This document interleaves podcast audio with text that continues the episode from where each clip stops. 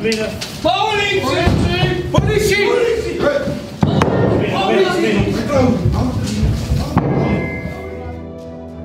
Kijk, zo klinkt een inval ongeveer. Dat moet behoorlijk schrikken zijn als je gewoon thuis aan je bureau zit en er komt met dit soort geweld politie binnenvallen. Maar toch is het voor degenen die de inval doen ook niet echt een ontspannen dag. Hallo en welkom bij de Cybercrime Podcast. Deze podcast is een samenwerking tussen Tweakers en de politie. Mijn naam is Randal Pelen en in deze driedelige podcast duik ik in de wereld van de cybercrime. Ik ga op zoek naar het antwoord op drie vragen. Hoe komt de politie cybercrime op het spoor? Hoe doen ze daar vervolgens onderzoek naar? En natuurlijk, hoe pakken ze uiteindelijk die verdachten? Tijdens de inval dus.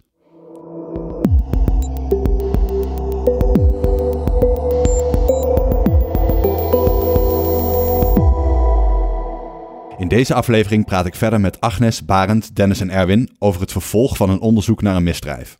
Want ook na de klapdag heeft de politie genoeg te doen. De verdachte is dan wel gearresteerd, maar er is ook bewijsmateriaal buitgemaakt. En dat materiaal mag de politie niet onbeperkt lang gebruiken. De klok loopt dus. Maar voor het zover is, moet Dennis eerst op pad. Het vooronderzoek is gedaan, de verdachte is in zicht en we weten welke data we buiten willen maken. Nu is het tijd voor de inval. Je hoort Barend uit de vorige afleveringen. Wij uh, we staan dan uh, meestal s ochtends vroeg uh, bij je voor de deur.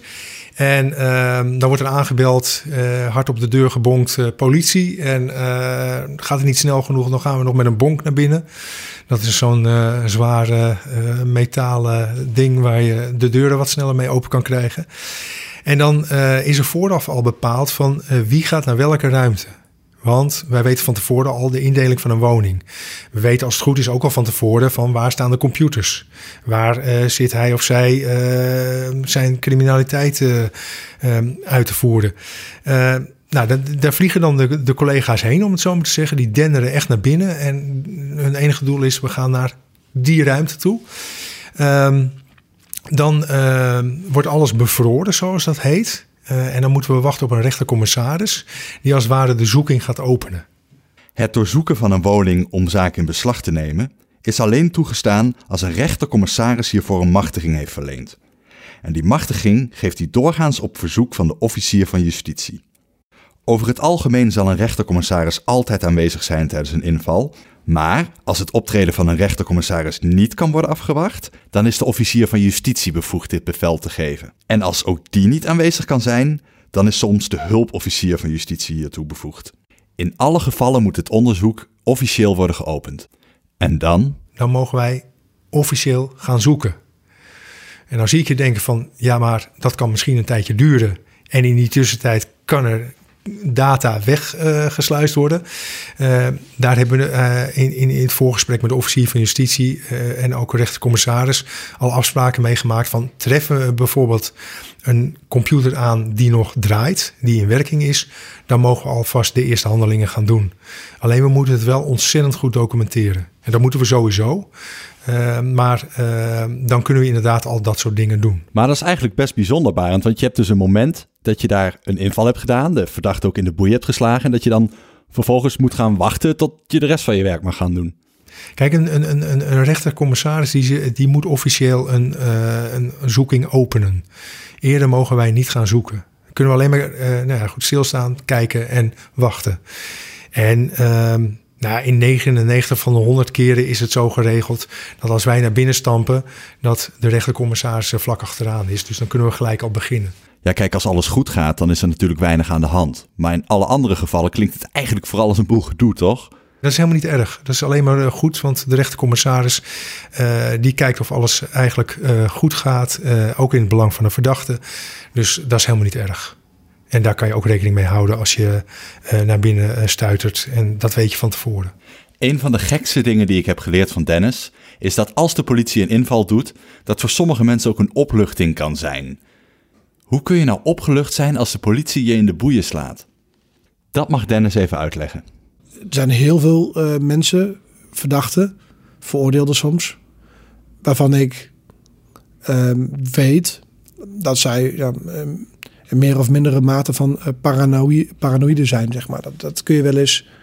Dat ze heel erg scherp zijn op een omgeving. Sommige mensen zijn ook heel blij dat als die deur eruit gaat... dat geen ripdeal is met dat de politie is.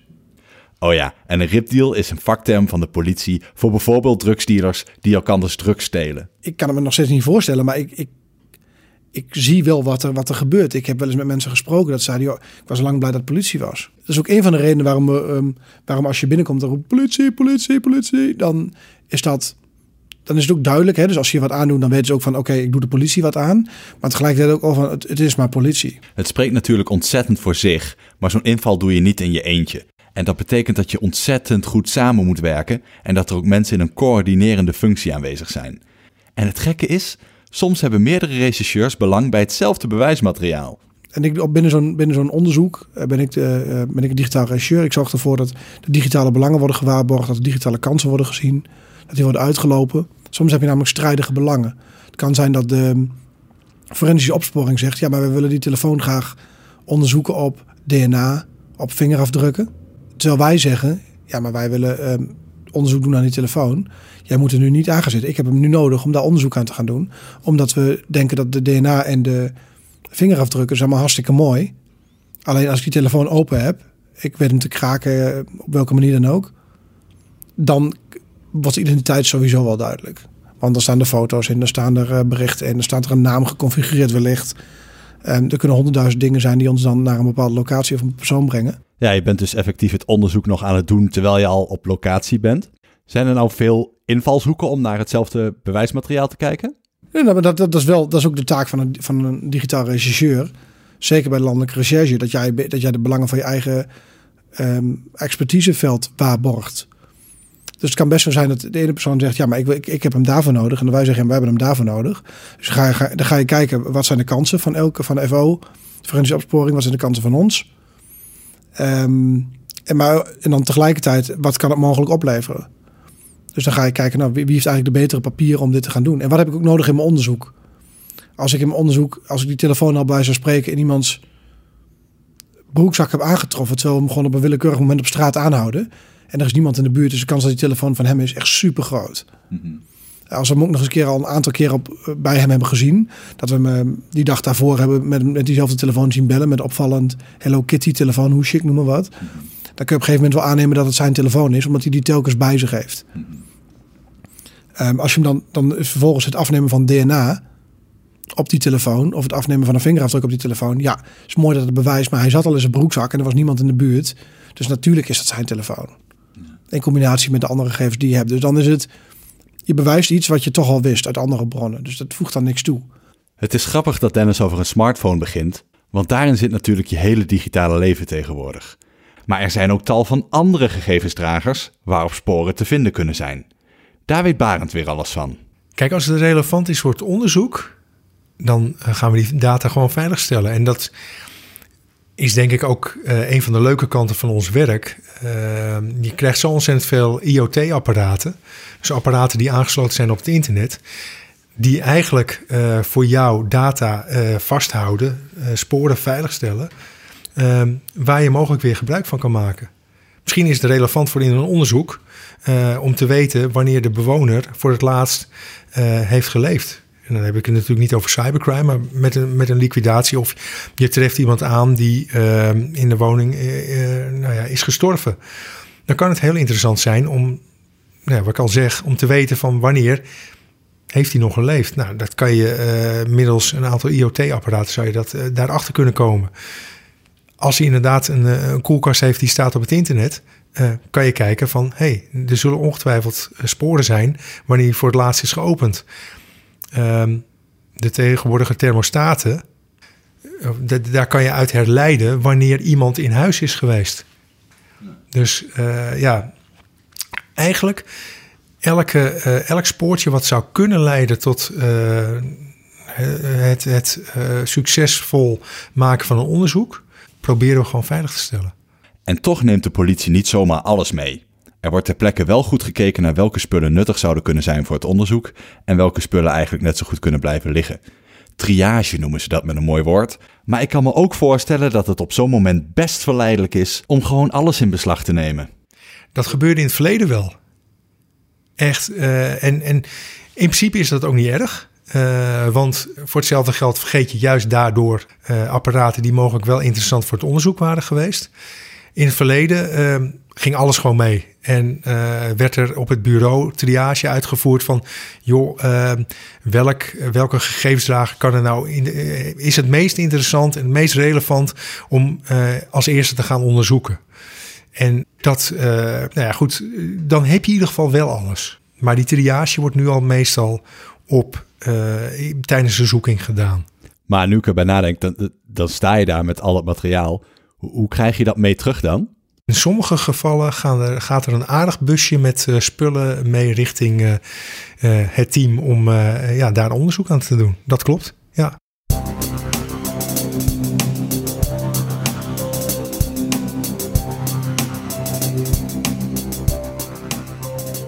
Tijdens een inval kan het goed zijn dat er een boel bewijsmateriaal buiten wordt gemaakt, dat vervolgens moet worden onderzocht op sporen en bewijs dat je de juiste verdachte op het spoor bent. Ik ben erg benieuwd geworden naar hoe de politie omgaat met dat bewijsmateriaal en hoe ze daar alle data van afhalen die ze nodig hebben. Maar tijdens mijn gesprek met Barend realiseerde ik me ook dat, dat als je de verdachte bent, je op dat moment wel je laptop en andere spullen kwijt bent. Ja, en dat dat ook eigenlijk best wel heftig is. Ik denk dat het niet leuk is voor de verdachte. Uh, aan de andere kant, wat je al net al zei, van wij gaan pas echt naar binnen als we eigenlijk wel een beetje, nou niet een beetje, maar redelijk vermoeden hebben dat uh, hij of zij inderdaad uh, de verdachte is. En ja, het is dan zomaar even. we kunnen er niks anders aan doen. En het is wel zo dat als er spullen terug kunnen en er nog geen bewijs bijvoorbeeld is gevonden, dan kan een officier van justitie beslissen van joh, die spullen kunnen eerder terug. Maar eigenlijk heb ik het nog nooit meegemaakt dat spullen terug moesten. Oké, de klapdag is voorbij, de verdachte is in de boeien geslagen of is in ieder geval een boel gegevensdragers kwijt. En dan is het de hoogste tijd om al die informatie van die gegevensdragers af te gaan halen. Maar je voelt het misschien al aan, ook dat is een vak apart. Ja, nee, klopt. Uh, in principe worden de laptops uh, niet aangezet. Uh, wat wij uh, bij een laptop of bij een computer doen, doen of eigenlijk alle uh, devices, gegevensdragers met een harde schijf. Er wordt een harde schijf uitgehaald en die harde schijf, daar maken we een forensische kopie van. Dat heet een bewijsbestand en uh, dat zorgt ervoor, uh, tenminste de software die zorgt ervoor dat er niet geschreven kan worden naar de harddrive van die computer, maar dat we eigenlijk alleen maar kunnen lezen. En er wordt eigenlijk elk bitje wordt gekopieerd en daar maken wij een bewijsbestand van en met dat bewijsbestand gaan wij eigenlijk ons verder onderzoek doen. Wij hebben eigenlijk voor heel veel gegevensdragers voor smartphones bijvoorbeeld, hebben we ook weer andere software om daarmee um, de be bewijsbestanden te maken. Om eigenlijk de data te kopiëren uit die telefoon. Het hangt een beetje vanaf wat voor een systeem het is. En als we het niet uh, zelf kunnen, of als er geen software voor is om uh, de data veilig te stellen, dan kunnen we bijvoorbeeld ook uh, embedded gebruiken. En embedded wil zeggen dat we de geheugenchips bijvoorbeeld los solderen en daarvanuit weer nou ja, de data uithalen middels voetjes, zoals dat heet. Ehm, door nou ja, daar de data weer uit te halen. Oh, maar je hebt dus collega's die letterlijk geheugenchipjes uit laptops aan het solderen zijn. Uh, we hebben inderdaad uh, collega's die zich uh, gespecialiseerd hebben op het embedded gebeuren. En daar heb je inmiddels machines voor die dat allemaal automatisch doen. Maar wij zorgen er dan voor, of zij zorgen er dan voor, dat de chip waar het om gaat en mogelijk nog andere onderdelen die mogelijk nodig zijn om die data zichtbaar te maken van uh, een printplaat worden gesoldeerd en uh, dan in zo'n situatie uh, terug worden gezet, bijvoorbeeld op een, op een ander toestel van hetzelfde merk en type, dat je wel weer die data kan veiligstellen. Ik kan me voorstellen dat je op zo'n inval een heleboel data in beslag neemt, die ook nog binnen een tijdsbestek geanalyseerd moet worden. En dat kan een hele kluif zijn. wat voor tools en middelen hebben jullie in handen om dat onderzoek zo soepel mogelijk te doen? Als een, een, een smartphone uh, in beslag is genomen, want wij moeten hem officieel in beslag nemen, dan mogen wij onderzoek doen. Uh, wij moeten aan de officier van justitie vragen van tot hoever mogen we dit onderzoek doen. En daar hebben we speciale software voor. Met die software kunnen we nou ja, goed, de data uit een telefoon veiligstellen. En met die software kunnen we ook weer gaan zoeken in die data.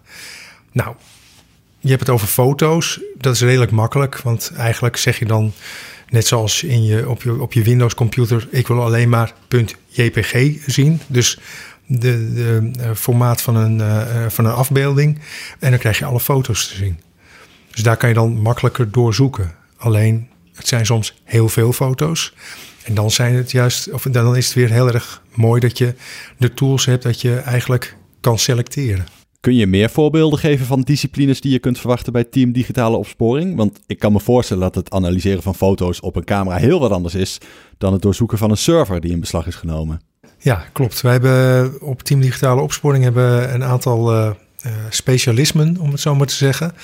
En zoals jij net benoemt, servers die worden onderzocht door collega's die nou heel veel verstand hebben van servers, servers en netwerken. En als we dus ook in een uh, serverruimte moeten zijn, of dat we al weten dat we bij een bedrijf naar binnen gaan, dan worden die collega's juist gevraagd van joh, um, we gaan dan dan uh, gaan we een zoeking doen in een bedrijf. Um, kan jij met ons mee? Want we gaan, nou ja, goed, een server veiligstellen. En dat gebeurt nog wel eens. Zeker in Nederland, zeker in Amsterdam. Want Amsterdam is het knooppunt uh, van internet in de wereld volgens mij. En uh, wij hebben hier heel wat uh, data staan in de omgeving. Oké, okay, je noemt nu dus al smartphones, digitale camera's, chips afsolderen en servers. nog meer zaken om aan te denken? Wat, wat, wat er heel erg in opkomst is, uh, dat, dat is eigenlijk automotive. En automotive, uh, dat zijn uh, bij ons specialisten die zich eigenlijk alleen maar bezighouden met data uit auto's. De afgelopen jaren worden auto's steeds digitaler. sterker nog, Apple die komt in de volgende iOS uit met de, de sleutel die je via je Apple Watch en via je iPhone waarmee je je auto kan openen. Uh, en uh, ja, daar kan jij ook weer gebruik van maken. En daarnaast, uh, auto's die hebben motormanagement. Daar wordt ontzettend veel data in opgeslagen. En ze hebben navigatiesystemen, wordt data in opgeslagen. En eigenlijk kan je die data ontzettend goed gebruiken voor je onderzoek. Ja, dat is ook wel logisch. Als jouw verdachte veel in een auto rijdt, dan is het natuurlijk vanzelfsprekend dat in dat motormanagement en het navigatiesysteem een heleboel locaties opgeslagen zouden kunnen zijn. En hoewel we het nu over een heleboel gegevensdragers hebben gehad en manieren waarop de politie het onderzoek zou kunnen doen, is er één ding dat we nog over het hoofd hebben gezien. Namelijk de tijdsdruk. Want als jij digitale sporen in beslag neemt, dan mag je die niet onbeperkt bewaren. Ja, uh, er gaan uh, verschillende klokken gaan er in principe lopen. Kijk, als je een verdachte hebt aangehouden, uh, dan heb je in principe drie dagen de tijd om je onderzoek te doen. En als je daar langer voor nodig hebt, dan zal, zal die moeten worden voorgeleid bij een, een rechtercommissaris. Uh, dat doe je in overleg met de officier van justitie. En die kan dan bepalen of de verdachte langer mag, blij, mag of moet blijven zitten. Dan uh, mag zal het niet zijn, maar moet blijven zitten. Uh, en dan kan je eventueel verder. En naast het bewijsmateriaal kun je ook de verdachte niet onbeperkt vasthouden. Dan heb je ook nog een keer, als je aangehouden bent, heb je acht uur de tijd als politie zijnde om binnen die acht uur, nou ja, goed, je zaak te doen. Binnen die drie keer 24 uur zou je natuurlijk al met aardig wat bewijs moeten komen om de verdachte in ieder geval te laten zitten. Kijk, als je niet genoeg bewijs hebt, dan uh, zal de rechtercommissaris op een gegeven moment ook zeggen van ja, maar hallo, um, deze verdachte die hoeft niet te blijven zitten, want jullie kunnen niks aangeven uh, waar hij uh, eigenlijk van beschuldigd wordt. Dus het is wel zaak dat je in die drie dagen een aantal dingen sowieso nou ja, te vinden, wil niet zeggen. Maar in ieder geval kan ehm, geven dat hij moet blijven. Heel vaak is het wel zo dat je dat eigenlijk al hebt gedaan in het vooronderzoek.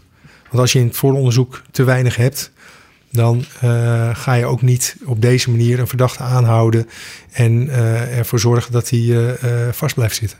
Dat de spanningen na de klapdag juist heel hoog op kunnen lopen, illustreert Dennis een voorbeeld in het volgende fragment. Hij legt daarin uit hoe hij een apparaat probeert te kraken en daar net niet helemaal uitkomt.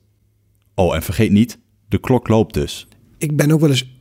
Ik kan, ik kan me wel frustreren als ik soms een apparaat in mijn handen heb waar ik toch niet in kom. Dat ik denk, ah, kom on, dit moet echt gewoon werken. Waarom werkt dit niet? Of we hebben net te laat of net de verkeerde variant. Of, ja, daar, kunnen, er kunnen verschillende oorzaken voor zijn ik heb ook wel eens dat ik uh, het gevoel van ik ben er bijna, ik ben er bijna, ik heb bijna die telefoon open of ik heb bijna iets open waar ik in wil of ik heb bijna dat, dat waar ik naar zoek. dat je dan, nou ja, dan, zeg je tegen je vrouw van ik ben iets later thuis. En dan ga je, ga je aan de slag. Je kunt op dat moment kun even niet loslaten, omdat je er echt gevoel hebt dat je er bijna bent. Je hebt, je hebt een aantal dingen gevonden. Je hebt bijna die puzzeltjes op elkaar gelegd of in elkaar gelegd. En dan in één keer dan denk je, ja, ik ben er. Ik, ik, ben, ik ben. Is, klopt het? Yes, en dan eh, sta je op en dan, nou, sling je je bureaustoel naar achter, sta je op, steek je arm in de lucht. Yes, met zo'n zo'n zo'n vuistgebaar, zeg maar. Yes, ik ben erin. Nog even los van wat je dan gaat vinden, maar het is, het is gelukt. En dan kijk je om en is er gewoon helemaal niemand meer. Iedereen is al naar huis. Het licht op de gang is al uitgedaan. Er heeft al iemand tegen je gezegd, joh, Dennis, maak je niet te laat. Je bent de laatste, doe je zo meteen het alarm erop. Eh, allemaal van dat soort dingen. En dan denk je, oh ja, nou, nu zit ik dus. Ja, ik kan, ja, en dan morgen ben je dan misschien wat later of niet. En dan bij de briefing, maar dan is je eigen enthousiasme al weg. En dan zijn andere mensen allemaal al heel enthousiast. Maar dan is je eigen de momentum, zeg maar, van dat je... je, piep, ik, ik, ik ben er. Ik, ik, het is gewoon gelukt. Ja, dat is wel... Als dat lukt, is, is, is het magisch. En soms denk je, oh, waarom... Oh, dit had ik echt wel eerder... Was maar eerder kunnen lukken. Stom dat het niet eerder gelukt is. Maar soms ook dat je een bericht tegenkomt dat je denkt, oh, dit is de goudmijn. Dit is, dit is precies wat we zochten. Dit is past precies in het plaatje. En dan kan ik echt wel een dossiervormer opbellen. Die persoon, zeg maar, die, die bewaakt de bewijsmaatregelen. Die zorgt ervoor dat alles netjes in dossier komt. Kan ik de dossiervormer, kan ik, kan ik bellen. van, "Hey, Ik heb dit en dat gevonden. Oh ja, oh, oh. Kun je me dat, kun me dat? Kan ik even op mijn telefoon bekijken hoe dat bericht er precies uitziet? Ja, tuurlijk. En dan stuur je dat door. En dan word je even later teruggebeld. Ja, ja, ja, mooi, mooi, mooi, mooi. Of je wordt teruggebeld door de teamleider. Dan weet je helemaal dat het goed zit. Van, ja, kun je ervoor zorgen dat je daar nu nog een PV van maakt? Dan kunnen we morgen, of dan kunnen we nu nog dit. Of, dat je de officier belt en, eh, en dat uitlegt. Ja, dat, dat zijn wel de, de, momenten waarop je echt gewoon ja, heel erg blij bent met wat je... eh, maar dat, zal iedereen hebben in zijn werk. Alleen bij ons gaat het soms natuurlijk voor, je, voor ons gevoel nog meer ingrijpende dingen. Het zijn wel gewoon heftige dingen soms die je kunt voorkomen of die je kunt bewijzen of dat soort dingen allemaal.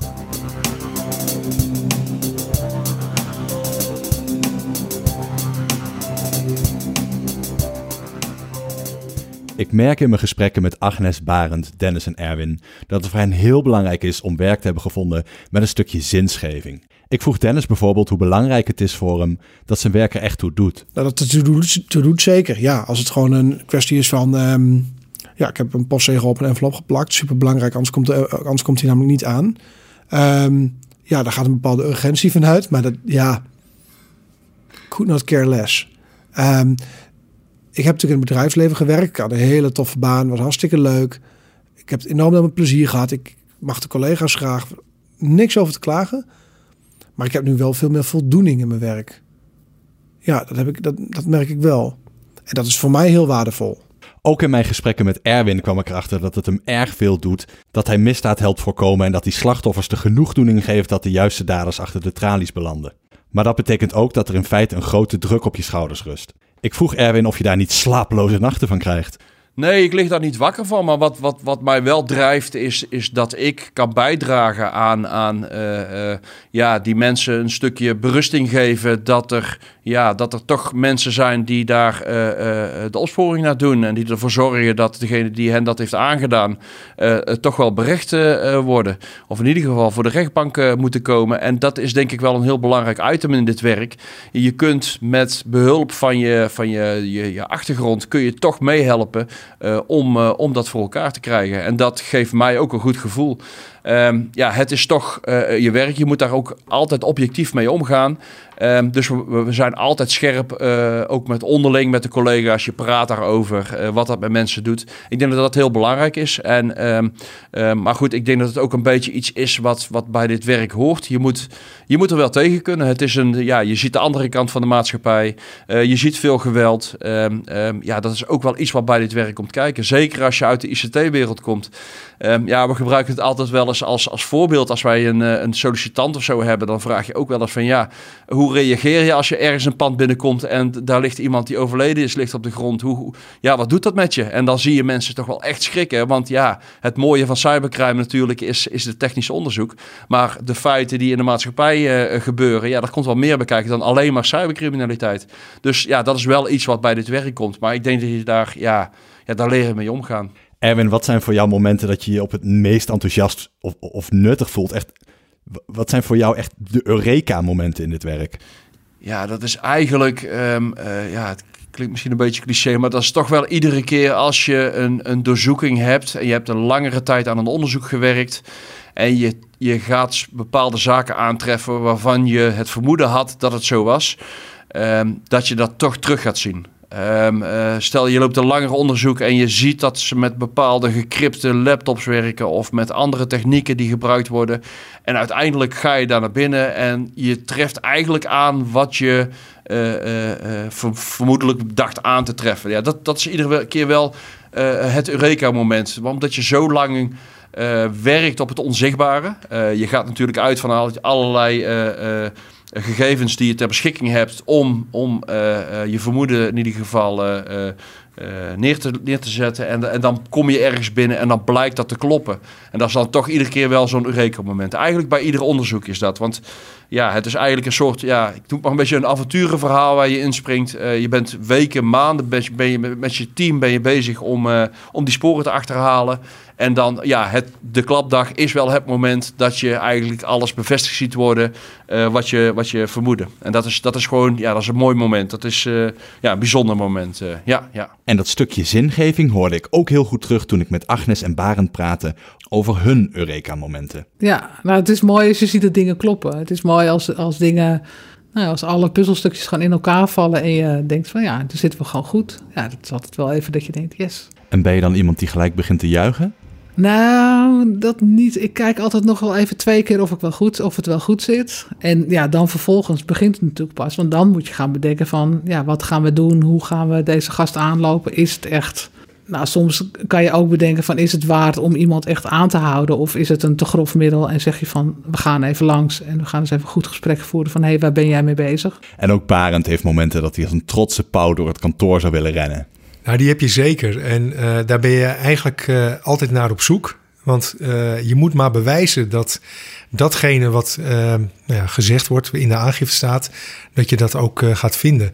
En ja, Eureka-momenten zijn voor mij echt die momenten dat je op, nou ja, eigenlijk datgene vindt ehm, waar je op zoek naar was. En dat is gewoon ontzettend gaaf. Dan zit je echt gewoon soms achter je computertje met gebalde vuisten van yes, ik heb mijn, mijn zaak als het ware rond.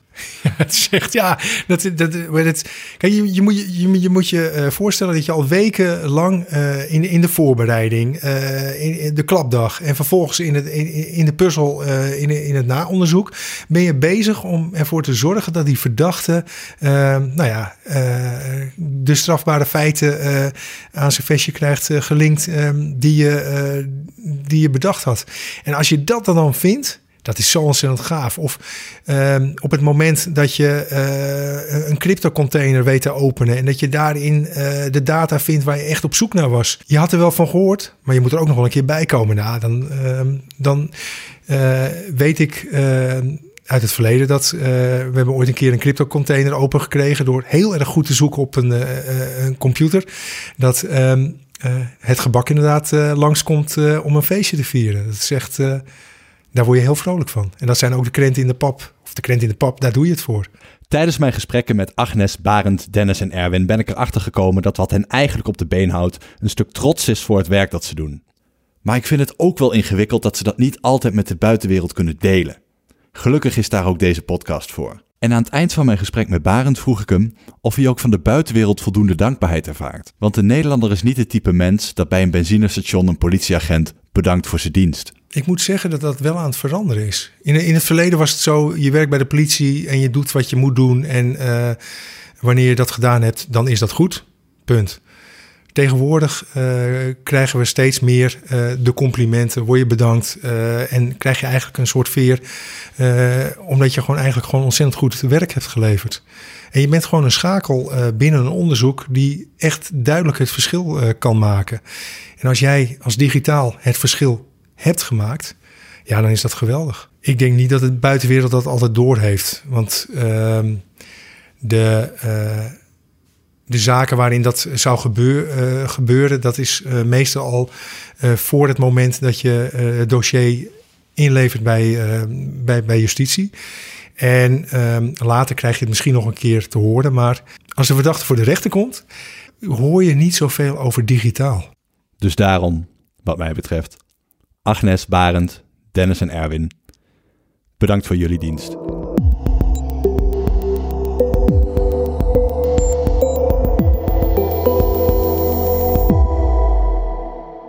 Dank voor het luisteren naar deze derde en laatste aflevering van de Cybercrime Podcast van de Politie en Tweakers. Mijn naam is Randal Pelen en je luisterde ook naar Agnes, Barend, Dennis en Erwin. Ik heb een hoop geleerd over de werkwijze, de risico's en de belangen van het werk van een digitaal rechercheur. En de nodige andere disciplines bij de politie. Ik hoop dat je genoten hebt van dit kijkje achter de schermen en ben je nieuwsgierig geworden naar de verschillende rollen die je als digitaal rechercheur kunt vervullen. Kijk dan eens op it.combijdepolitie.nl. Dat is it.combijdepolitie.nl. Werk met zingeving is in ieder geval een groot goed. En namens de politie wens ik ook jou nog vele Eureka-momenten toe.